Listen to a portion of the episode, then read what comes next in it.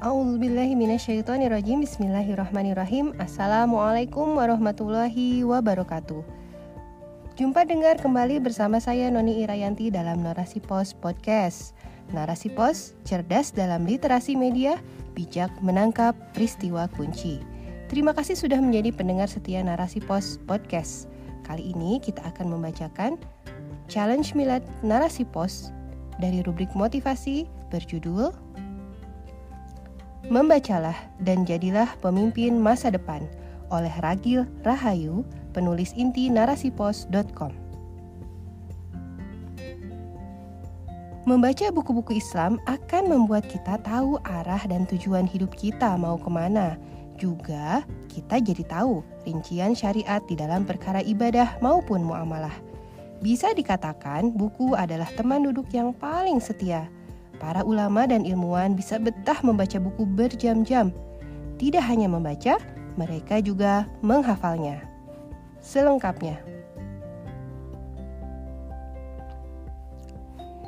Jika ada seseorang sedang duduk sambil melihat dengan antusias pada benda pipih di tangannya sambil sesekali tersenyum atau menyet-nyet, kira-kira benda apa yang ada di tangannya? Ponsel, banyak dari kita akan menduga bahwa benda pipih itu adalah ponsel. Padahal bisa jadi benda itu adalah buku. Ya, gestur seseorang yang membaca buku sebenarnya mirip dengan gestur orang yang melihat ponsel. Namun, pemandangan yang banyak ada di sekitar kita adalah orang yang melihat ponsel. Entah sedang membaca berita, scrolling medsos, melihat video, menikmati foto, main game, dan lain-lain. Sedangkan pemandangan orang yang sedang asik membaca amat jarang kita lihat. Iya, memang minat baca orang Indonesia amat rendah. Padahal ini hal yang berbahaya. Bill Gates mengatakan, jika budaya kamu tidak menyukai orang-orang kutu buku, kamu berada pada masalah yang serius.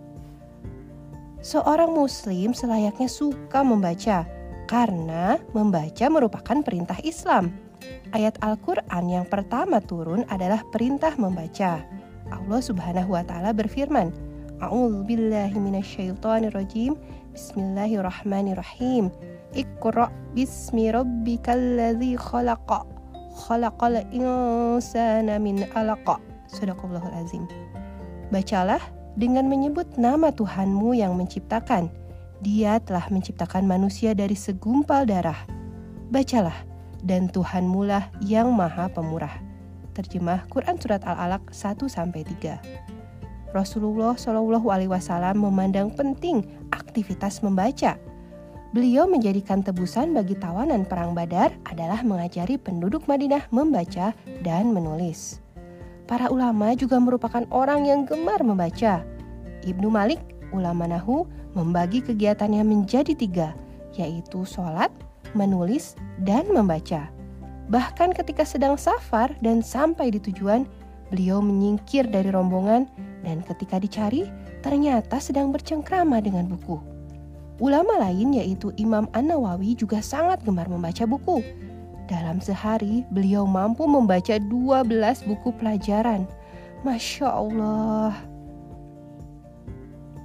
pada era digital seperti sekarang, memang ponsel pintar begitu menarik perhatian. Akibatnya, minat terhadap buku amat kurang.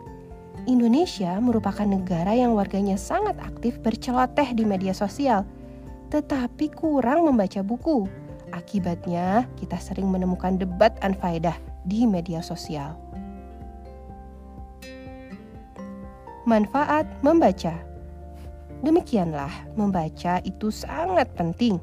Dengan membaca buku Islam, kita akan mengenal Allah, Rasulullah, dan agama Islam. Dengan membaca pula, ilmu kita bertambah untuk bekal kita menghadapi masalah hidup di dunia. Dengan membaca, kita akan memiliki kemampuan analisis sehingga bisa mengurai masalah yang dihadapi dan memudahkan untuk menyelesaikannya. Membaca juga memberi kita inspirasi sehingga muncul ide-ide segar. Membaca akan membuat mata kita terbuka dan menyadari bahwa dunia itu luas, tidak sesempit daun kelor. Pada saat tertimpa masalah, kita bisa tetap tersenyum karena tahu bahwa banyak yang lebih berat masalahnya daripada kita. Masih ada banyak manfaat membaca lainnya. Bekal calon pemimpin. Ada ungkapan, a reader today, a leader tomorrow. Maknanya adalah bahwa dengan membaca, kita sedang menyiapkan diri kita menjadi pemimpin masa depan. Mengapa demikian? Karena salah satu syarat kompensasi seorang pemimpin adalah wawasan yang luas.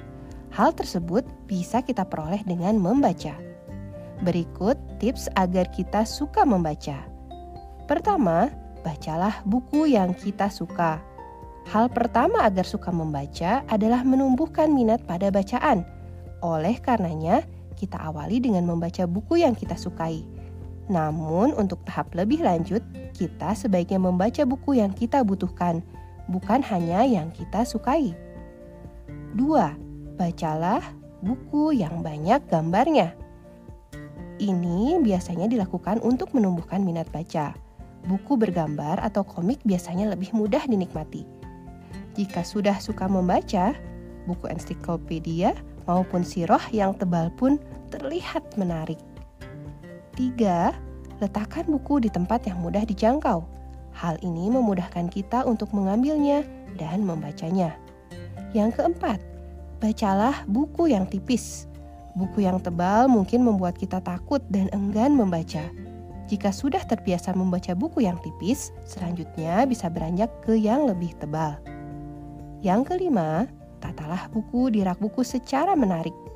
Hal ini agar kita tertarik untuk mengambil dan membacanya.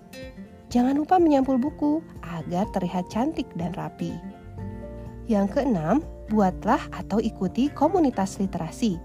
Ini untuk anak muda sehingga punya teman seumuran yang sama-sama suka membaca. 7. Sediakan minuman dan camilan. Minuman dan camilan sebagai teman membaca sehingga makin betah membaca. 8. Membaca di tempat terang sehingga mata tidak mudah lelah. Jangan lupa, niatkan membaca buku adalah untuk meraih ridho Allah. Dengan demikian, kita akan terhindar dari membaca buku yang isinya sia-sia. Jika membaca buku yang berisi pemikiran di luar Islam seperti sosialisme dan kapitalisme, sebaiknya kita sudah memiliki fondasi akidah yang kukuh. Jangan lupa, niat dan tujuan kita membaca buku tersebut adalah untuk mengkritisi kesalahannya. Pastikan kita membaca buku yang positif saja.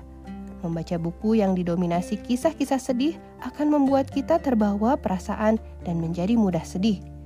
Membaca buku cerita tentang kekerasan, jika tidak hati-hati, bisa membuat hati kita keras. Membaca buku-buku Islam akan membuat kita tahu arah tujuan kita mau ke mana. Juga kita jadi tahu rincian syariat di dalam perkara ibadah maupun muamalah. Bisa dikatakan, buku adalah teman duduk yang paling setia. Para ulama dan ilmuwan bisa betah membaca buku berjam-jam. Tidak hanya membaca, mereka juga menghafalnya. Ada sebuah kutipan menarik, bunyinya, "Kalau kita membaca buku yang sama, dengan yang dibaca orang lain, kita hanya bisa berpikir seperti orang lain. Haruki Mukarami. Artinya, jika kita makin banyak membaca, pengetahuan akan semakin luas sehingga makin cerdas. Joseph Brodsky mengatakan, ada kejahatan yang lebih kejam daripada membakar buku. Salah satunya adalah tidak membacanya. Sahabat muslimah, marilah kita bentuk kecintaan pada ilmu dan kecintaan pada buku. Dan wujud kecintaan tersebut adalah dengan membacanya dan merawat buku sebaik-baiknya. Wallahu alam bisawab. Wassalamualaikum warahmatullahi wabarakatuh.